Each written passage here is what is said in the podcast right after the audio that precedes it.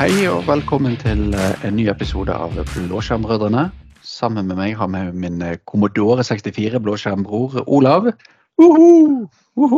Og det var vel omtrent i den tiden eh, Du satt vel strengt tatt og kodet litt av kjerneoperativsystemet til Windows 95 på Commodore 64-en din, gjorde ikke det? Ja, ja, det var jo sånn at man lagde et skjell på topp av og Jeg husker ikke CPM, et eller annet CPM var det vel. ja. Ja. Så jeg måtte lage et grafisk overlay på det. Sant? Og det var jo egentlig litt der Commodore 64 kom inn. Du kunne kjøre den i CPM-modus, som var et dyrt operativsystem, eller du kunne kjøre den i 64 med basicen, som da var litt enklere. Og ikke minst det var litt gøy til å programmere på den tiden. Sant? For det, det var veldig små snutter du la inn. Det kunne bli mange hundre sider etter hvert hvis du ville, men alt var strukturert på en måte som gjorde at man lærte noe mens man skrev, og så fant man fort ut at dette var så begrenset at det ikke var gøy allikevel. Ja, og du satt sjelden og rotet deg ned i store, tunge, komplekse greier, så fant du at noen hadde gjort det på GitHub fra før. Har ikke tatt GitHuben for Commodore 64, ja. ja. Men du hadde bulletins boards, husker jeg faktisk. Du kunne koble deg opp, og så kunne du laste ned mange av disse kodene som eh, ble trykt i, i husker jeg kjøpte C- C64 Magazine annet noen ganger. Og der fikk Mm. du koder du kunne skrive inn, og så skulle du da få eksempel få et spill å fungere, eller en eller annen software som kunne fungere, som du bare tastet inn. da. Men ulempen var det at eh, det kunne vært trykkfeil i bladet. eh, Og hvis du bare satt der og tastet inn, så kunne du være trykkfeilen. Så da hadde de da bulletins hvor du kunne ringe inn med modemmene dine, så kunne du laste ned eh, kildekoden og så få det derfra. Var det 6000 baud-modem du hadde, eller var det 11 000? Nei, det her var eh, 9006. Ja, 9006. Ja. Ja, ja. ja, men det har jo skjedd litt siden da. Vi har jo nærmest hoppet fra Windows 3.11 til Windows 11. Um, og i snakkende stund så har jo egentlig det akkurat kommet ut en 22 H2-versjon av Windows 11. ja, det stemmer. Den ble jo lansert når vi spiller inn dette, så ble det jo lansert for en dag eller to siden. Ja, det er rett og slett ferske bits og bytes som er i, i luften. Og har du egentlig fått tid til å oppgradere Windows 11 når jeg tenker meg om? For dette er òg en sånn interessant ting. Windows 10 og Windows 11 lever side om side og er likeverdig, sier Microsoft. Mm. Eh, Og vi kjører veldig mye Windows 11, eh, og vi prøver å bytte ut maskiner som ikke er kompatible med Windows 11. Men selvfølgelig, man kan ikke bytte ut god hardware bare for å bytte det ut. Eh, Så da får man jo fort en utfordring med at man ville gjerne kjørt Windows 11 for alle brukerne våre, men la oss si vi har en prosentandel på et eller annet sted mellom 25 som har veldig gode, kraftige maskiner som det er ingenting i veien med, men de kjører da ikke riktig CPU. Ja, for det har jo vært en litt sånn eh, interessant ting, og en, en bekjent av meg i, Microsoft eh, spurte så, så stille for seg.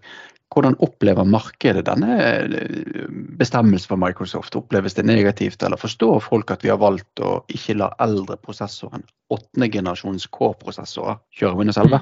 Ja. Og det er vel gjerne det som, som er kanskje litt sånn interessant, at uh, Windows 10 skal bare leve i fire år til. Men realiteten er at PC-er som har syvende generasjon eller eldre, skal leve i lenger enn fire år til. Og Der kommer litt av, av, av nøtten her. for Jeg ville jo sagt det at jeg har full forståelse for at uh, ikke alle får lov å være Windows 11. Jeg er faktisk glad for at mange maskiner ikke får lov å være Windows 11. Uh, For dette er så mange sikkerhetsrelaterte ting eh, som måtte da være en ting du kan velge å slå på, istedenfor at det er på. Så det er egentlig snakk om at eh, hvis du eh, hadde tillatt altfor mange gamle maskiner, så hadde vi kommet i den evinnelige loopen vi alltid har hatt med at du kan oppgradere. Eh, Men siden du oppgraderte, så får du ikke lov å kjøre den og denne funksjonen, altså om det er secure boot eller hva det skal være.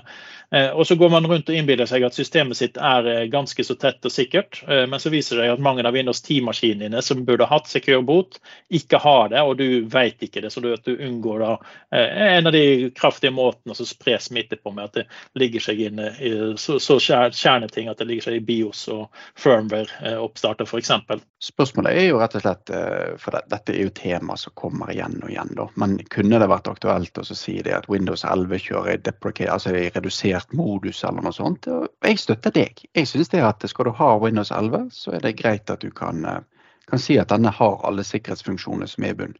Spørsmålet er jo da, kan det tenkes at de kutter støtten for Windows 10 litt for tidlig? Ja, Det er vel kanskje det jeg ser som den store eh, ulempen her. da, For at eh, fire år til, det er vel kanskje akkurat på grensen til at det kanskje er OK. Eh, Men så kan du jo ha ganske mange eh, gode maskiner som eh, holder lenger. Jeg vet ikke hva syvende generasjon er ikke det du sier, og, og eldre. Hvor, hvor gammel snakker vi da CPU-messig? Det er ikke veldig mange år tilbake igjen. Vi snakker ikke mer rundt en fire-fem år tilbake inn i tid før du er i grenseland. Det spørs jo om du kjøpte litt eh, restvarelager, eller om du mm, Nettopp. Ja. Sant? For hvis det er fire-fem år siden, så kan det hende at maskinen din bare er tre år gammel nå. Så, så, så, businessmessig så vil jeg sagt at du faktisk er på eh, enden av livet nå. Altså nå, Hvis maskinen har levd i businessen din i syv til åtte år, så er nok den ganske så sliten. Eh, men hjemmemarkedet er jo litt annerledes der. Jeg vil jo si at eh, jeg kjenner mange som sitter på åtte år gamle PC-er som er mer enn fornøyd til å gjøre det de skal gjøre. Så jeg har svigerforeldre f.eks. som har en bra CPU og de har en SSD-disk som de fikk oppgradert. Så de har en maskin som gjør at de merker ikke forskjell på den og om de hadde fått en splitter ny PC, for de, den gjør det han skal gjøre. Ja, absolutt. Og for ordens skyld, da, en av de nettsidene som jeg anbefaler både IT-profesjonelle og konsumer, og hvis du jobber på Power eller Elkjøp og selger PC-er, det er rett og slett ark.intel.com. Der får du en full oversikt over alle prosessorene som Intel har. og AMD har en tilsvarende side også. og Da får du både spesifikasjonene på prosessorene og når de blir lansert. Og syvende generasjons, altså seventh generation um, I7, det er jo forskjellig fra I7 og I5. De ble lansert i 2017. Så det er jo faktisk bare fem år siden de maskinene altså prosessorene kom. Og de mm. levde jo videre i devicer som ble solgt langt ut i 2018. Mm. Så det er rett og slett eh, i dag gjerne fire år gamle maskiner som, som nå er fire år gamle. Da. Så man kan jo stille seg spørsmålstegn da. Er det greit nok at maskiner som er åtte år skal fortsette videre? Ja, nei, kanskje. Mm. Ja, nei, Det er veldig vanskelig å ta det spørsmålet, men sånn miljømessig da, så kan, jo, kan, man jo fort si det at det er kanskje litt tidlig. For at, uh, vi vil jo være bevisst på miljøet og ikke resirkulere unødvendig. altså Hive en maskin bare fordi at han ikke får sikkerhetsoppdateringer. For det, det, er jo faktisk galskap å fortsette å bruke en maskin som ikke får sikkerhetsoppdateringer. Uh, du ville jo ikke ha kjørt en XP-maskin i dag på nettbanken hvis du kunne ha gjort det. Eller, altså, du vil ha en maskin som er sikker enn up to date. Sant? Så der er litt av utfordringen. Sånn man, uh, man kan faktisk ikke bruke maskinen til det du normalt sett vil bruke den til. Eh, helt i orden hvis du har sånne offline-systemer som snurrer og går på en, en eller annen boks, eh, så vet vi jo fortsatt at det snurrer og går XP-maskiner rundt omkring på alt fra sikkerhetsskannere på flyplasser til eh, displayvisninger på Bybanen, som vi har snakket om før. Så ja. vet vi at det kan dukke opp ting som avslører at de har et ikke-supportert operativsystem. Men det er jo det bare det brukes til, og hvor tilgjengelig det er, som kanskje er det største spørsmålet. Og så skal vi jo være litt ærlige. Gir vi Microsoft for mye pepper? Er det kult å kritisere Microsoft? Vi ser jo det Chromebooks uh, går ut på dato etter fire til fem år, og vi ser Android-TV-er har jo Android-versjoner tilbake igjen til ja, Apollo sine tidsalder og månelandinger, og dette mm. kjører i TV-er. Og Det er rett og slett galskap. Ja, så Hvis vi ser på noe så enkelt som en iPad, ser du på en iPad, så vil du se at uh, hvis den er åtte år gammel, så har ikke den den siste IOS-en langt derfra. Så, så, så, vi ser det er jo en bransjestandard egentlig at man må sette en strek på når man kutter det. Så, så store spørsmål er man setter man det riktig. Altså det, eh, de kan gjerne slutte å videreutvikle funksjonaliteter, men de bør kanskje tenke på sikkerhetsoppdateringer eh, hvis mulig. Da. Men de, de, de henger av og til sammen, dessverre. Ja, og så Når vi da nevner to sånne variabler som knekker litt inn i hverandre. Den ene er jo miljøaspektet. og Tenker man da TV-er f.eks., eller store datamaskiner som veier 10-15-20 kilo, for det, for det gjør enkelte av disse arbeidsstasjonene, da, så er det ganske absurd å måtte kaste en PC Istedenfor mm. å måtte rett og slett kunne skifte hovedkort og prosessor og ram. For det er rett og slett fullt mulig å kunne bytte de tre kjernekomponentene og la resten leve videre. Da. Og Det samme med TV-er, hvorfor man ikke kan bytte en hjerne og så få en ny Android-versjon på disse. Men det får vi ta som en diskusjon til en annen gang. Ja. Ja. Det som er litt gøy med dette, er jo heller får vi tak i nye PC? Hvis du trenger 400 eh, nye PC-er til de ansatte i Sparebanken, hva, hva, sier Dell til det? Hva sier Lenovo til noe sånt? Eh, ja, vi får faktisk tak i ganske mange. For som sagt så har vi byttet ut veldig mange deler, eller ja. mange Lenovoer til deler. Bl.a. min maskin som røk her forleden dag. Så, så, ble den da byttet ut med en ny Dell-maskin. Så, så de, de, kan levere, men, men det er vel mest, nesten mer sånn at man må se hva de kan levere før du bestiller. Eh, sånn at man ikke bestiller kanskje nødvendigvis akkurat det man hadde mest lyst på, men man tar noe som er godt nok hvis du skal ha store ordre. For det er en etterspørsel fortsatt i markedet. Det er, det, er, eh, det er, ikke produksjon nok av alt som trengs nødvendigvis. Da kan vi jo spørre hva vil skje om fire år? Mm. Ja, hvis, det, hvis Blir det det samme som har skjedd under koronaperioden, at etterspørselen nå plutselig er så stor at det blir et problem, altså produksjonen er lav og etterspørselen er ganske høy, eh, om fire år? Eh, jeg, jeg, tror egentlig ikke at det vil skje. for jeg vil, jeg vil, tro at Hvis vi satser på at de fleste maskinene allerede er nå i minimum treårsalderen nå, som ikke vil kunne kjøre Windows 11, Eh, så snakker vi da om at de er syv til åtte år gamle når de ikke får en oppdatering. Og erfaringsmessig så vet jeg at det er veldig få som har så gamle maskiner, men det er noen. Så jeg tror, tror ikke det er det som vil generere stor etterspørsel. Da. Nei, jeg, jeg, holder en knapp på at det du sier er riktig, men eh, jeg vil vel si det at hvis det er noe som skal gjøre det at Windows 10 skal få forlenget levetid, så er det det at det plutselig skjer en veldig stor opphopning i bestillinger uten at det er mulig å levere maskinvare. Um, ja. så, så, jeg ser det mer som naturlig at, at uh, Windows 11 forblir med de sikkerhetskravene som de har. Heldigvis. Mm. Uh, men at uh, ja, Jeg vil i hvert fall ikke ha en light edition. da, da, da, må de i så fall lage et nytt holdt på å si et nytt OS som heter noe helt annet, sånn at du faktisk kan separere det.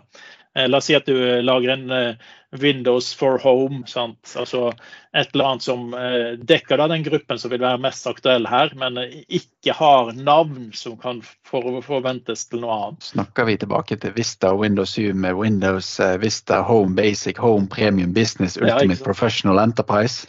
Jepp. Deluxe. Deluxe, ja. ja.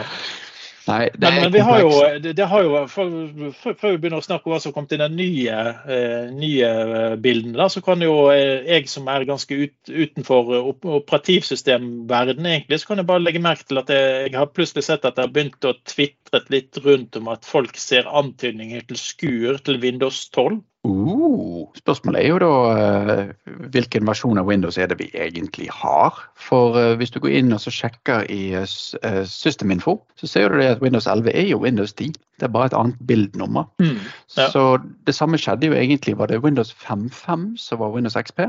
Og Windows mm. Vista var versjon 6. Ja, og da, da så, de, Tidligere så har det egentlig vært for at kjernefunksjonaliteten har vært ivaretatt. Mye av kjernen er det samme. Sånn, så det kan mm. være det som har skjedd her også. Men i Windows 11-verden så vil jeg jo kanskje si at det er kanskje noen som ikke har lyst til å innrømme at de løg når de sa at nei, vi vil aldri ha noen andre, annen Windows enn Windows 10. Sånn. ja, nei, Jeg tror jo det at litt ut av Windows 11-konseptet er jo markedsføringen. At uh, dette er Windows 10, men med sikkerhet vi er nødt til å kalle det for noe annet. Mm. Um, ja, jeg tror det var det at, det at de, de de kunne ikke gått videre med Windows 10 og sagt at det er én versjon som er for secure edition og CPU-er eldre enn en eh, CPU generasjon 8 kan kjøre det. Altså, du hadde begynt å lage sånn regelsett som gjør det helt umulig å, og tanken med Windows 10 i så mange varianter. Da, da kommer vi tilbake til den premium deluxe eh, grill edition. sant? Altså, det. det dette her vi snakket med Ben Armstrong på Ignite i 2019 om at det var en Secure Core PC-lansering, men de fant ut at eh, ja, det kanskje sant, like greit den, den å bare jo, kalle det. Den, den, var, byttet, den var, var bundlet inn med leverandøren sin hardware, så det, det var jo faktisk en eh, Secure Core PC. Det det var et tøft konsept, eh, men eh, da ble hardwaren godkjent osv. osv. Mens nå er det jo snakk om at hardwaren er der allerede, og så har vi et operativsystem som kan enable de tingene som ligger der, da, istedenfor å måtte ha den tilsvarende godkjenningsprosessen som Secure PC hadde. Mm, absolutt. Nei, så, så det er jo mange gøye diskusjoner man kan ta, men jeg føler vel kanskje i hvert fall det at hvis hvis de, eh, Microsoft får kanskje ufortjent mye tyn for de tingene de gjør, mens andre slipper unna med det uten at det, de, de, blir kjeppjaget for de samme grunnene. da. Mm. Ja, det, er sant. Men vi kan kanskje begynne å snakke om eh, noe litt hyggeligere. Jeg er jo dessverre, ja, jeg er den, dessverre i den kjedelige situasjonen at jeg skal ha et foredrag i morgen med demonstrasjoner, så jeg valgte å ikke oppgradere PC-en min til nyeste bilden. Så jeg vet ikke helt hva som er nytt i den nye bilden eh, av eh, Windows 11. Eh, jeg er litt uheldig, for jeg kjører jo de tidligste tidligste versjonene av Windows Insider-bildene, på godt og vondt, så jeg har jo glemt at disse tingene er nytt. ja, så jeg, jeg, må jo da også påpeke at du, du ble ca. 4-5 minutter forsinket i dag for at du måtte ribote, og det var vel kanskje insider-relatert? Ingen videre kommentar, men det stemmer. Nei, eh, hvis vi skal framheve noen funksjoner som har gjort eh, Windows 11 22 H2 utrolig kul, så var det en del funksjoner som kom litt tidlig i sommer. Og den ene det er det at nå kan du lage mapper på startmenyen. Eh, og noe, så utrolig rart som det at eh, du nå kan bruke alt piltast, hurtigtastkombinasjon eller drag and drop for å få eh, ikoner i mapper. Det høres jo helt utrolig ut. Dette har du i Android, du har det i IOS og du har jo hatt det på Windows Phone for søren. Nå har du endelig fått det i Windows 11. Den du har jo, hatt, faktisk... Windows, du har jo hatt det i Windows 3.11, har du ikke? Men det som er veldig praktisk, er jo det at dette er noe som er veldig fint for oss å kunne klynge sammen enkelte typer apper. Og spesielt for min del, som liker å installere nettsiders apper, så har man en egen folder for web-based applications. Så den, eh, den, har vært veldig fin. Eh, så er spørsmålet stort, flott? Vel, ikke akkurat. Men det som mm. er stort og flott, er jo det at eh, filutforskere nå har fått støtte for tabs. Ja, Det blir fantastisk. Ja, så endelig har du da muligheten for å åpne én filutforsker og kunne bytte mellom tabs i filutforskeren istedenfor å måtte ha 14 filutforskere oppe. Mm. Men her kommer jo min feedback request til Microsoft, som jeg har mjauet på dem om i tilbakemeldingshuben. Når skal de få det til i settings-appen? Ja, riktig. Så du kan ha flere settingser uten å måtte gå helt opp og ned igjen. Ja. ja. bare det å kunne f.eks. Eh, se på en liten ting, og så plutselig må du kjøre en Windows update, så hopper den helt ut og tilbake. Så, så vi håper jo det at dette skjer i settings-appen også, men, men, nå har det i hvert fall skjedd i filutforskeren. Mm. Ja, og en ting som kanskje ikke er helt hva skal man kalle det for utbredt, og folk forstår gjerne ikke hvor viktig dette er, men det er støtte for live captitions i operativsystemet. Mm. Hvis du enten trykker kontroll eh, Windows L, eller du trykker Windows A og velger å gå på tilgjengelighet, og der finner du noe som heter direkte teksting. Det den gjør, er at han kan ta og direktetekste alt som kommer inn av lydstrømmer på PC-en din. Det er utrolig tøft for meg som må delta på litt mange webinar og kveldsmøter og sånt, der de prater veldig mye høyt og lavt. Og det som vi vet, er jo det at idet de sier noe som er ekstra interessant, så kommer jo den der eh, cocktailparty-effekten inn. Du hørte et ord du var interessert i, f.eks.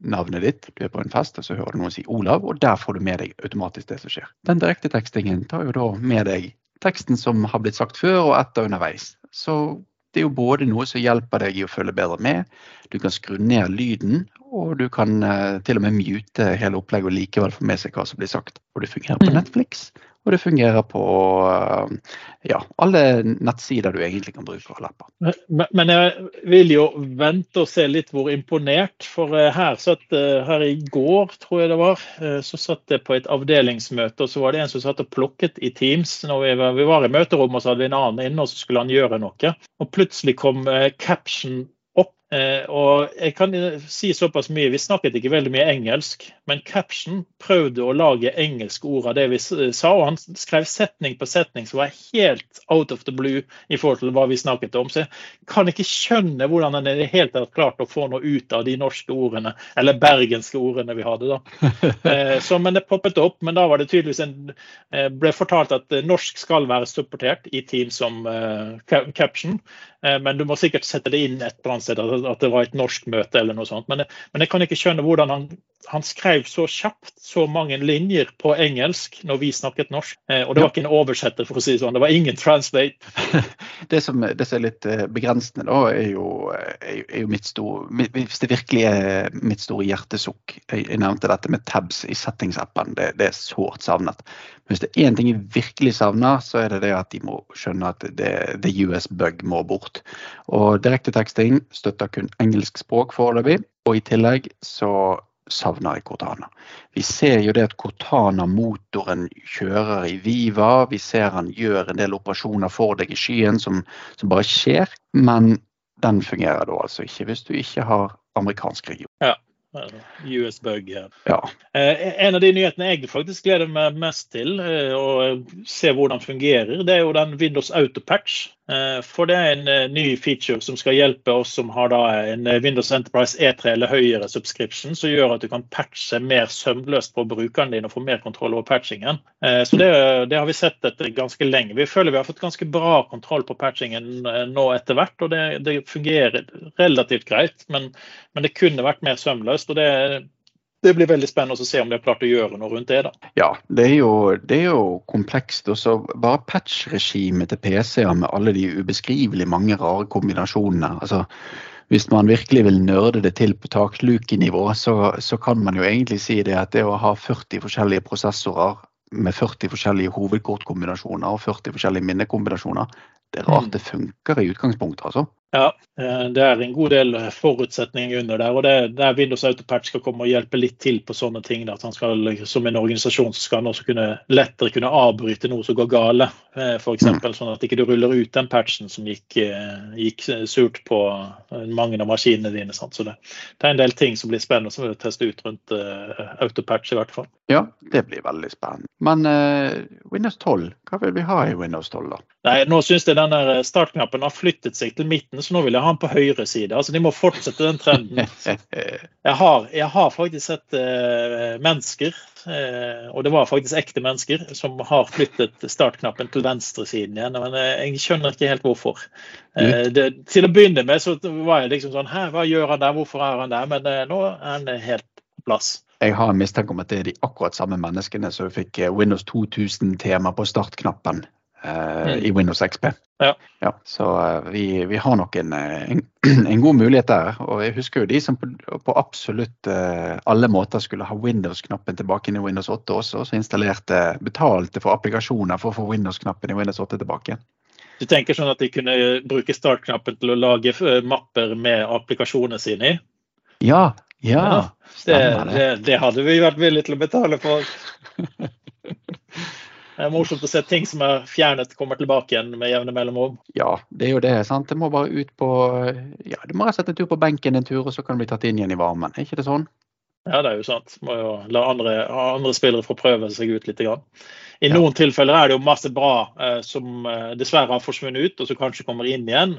Men eh, veldig ofte er det noe du tror er bra, men når du blir vant til den nye måten å tenke på, så er det mer effektivt. Altså Bare tenk på hele ribbon-tankegangen når det kom inn i Office som en, en uh, ting. Eh, alle mente at det var mye mer tungvint enn uh, de gamle menyene de hadde hatt i tidligere versjoner. Men realiteten var jo at de hadde flyttet alt til maksimum fire nivåer ned, kontra tidligere hvor du faktisk kunne være helt nede i 12-13-14 nivåer for å finne en funksjon. Så, men til å begynne med, alt er tungvint når det er nytt. Må ikke du komme her og si det at ting er bedre nå enn før i tiden? ja, men ikke si det til noen at jeg har sagt det, da. Ja, nei, lover, lover. Ja. ja. Jeg håper jo å kunne høre um, enten kommentarer eller etterlysninger. Eller hvis du har uh, ønsker funksjoner i Windows 11, noe du savner, eller noe du har oppdaget som vi ikke har snakket om, så har det vært tøft å mm. høre fra deg og se i kommentarfeltene, eller du kan stoppe oss på gaten selvfølgelig og si vi ønsker dette i Windows, kan du snakke med Stig Bolmer og få det ordnet? Ja, ikke sant. Ja. Eh, Bill Gates jeg pleier å snakke med, da. Ja. Jeg, er litt sånn, er litt sånn old school, så jeg går det hele, hele veien til starten. ja. Nei, men det, det er eh, masse nytt, masse spennende. Og jeg er sikker på at Alexander sin Windows Insider-PC kommer til å krasje atskillig flere ganger fremover, så vi har sikkert mer enn nok til å snakke med en annen episode også. Ja, grønne skjermer, here we come. Yes. Og det, det var faktisk morsomt du sa, for uh, hvordan vet du at jeg er medlem av en insiderbild-ring når det krasjer, eller om det er medlem av en vanlig ring når det krasjer? Nei, det er ring på spring, eller er det noe med fargen? Yes, det er Green Screen Brothers som du må kontakte da. så det er derfor eh, Alexander er den eneste Green Screen Brotheren, for det han supporterer insider, mens jeg er Blue Screen eh, forever. forever. Den kan vi ta neste gang. yes, da sier vi takk for denne gang. Takk for nå.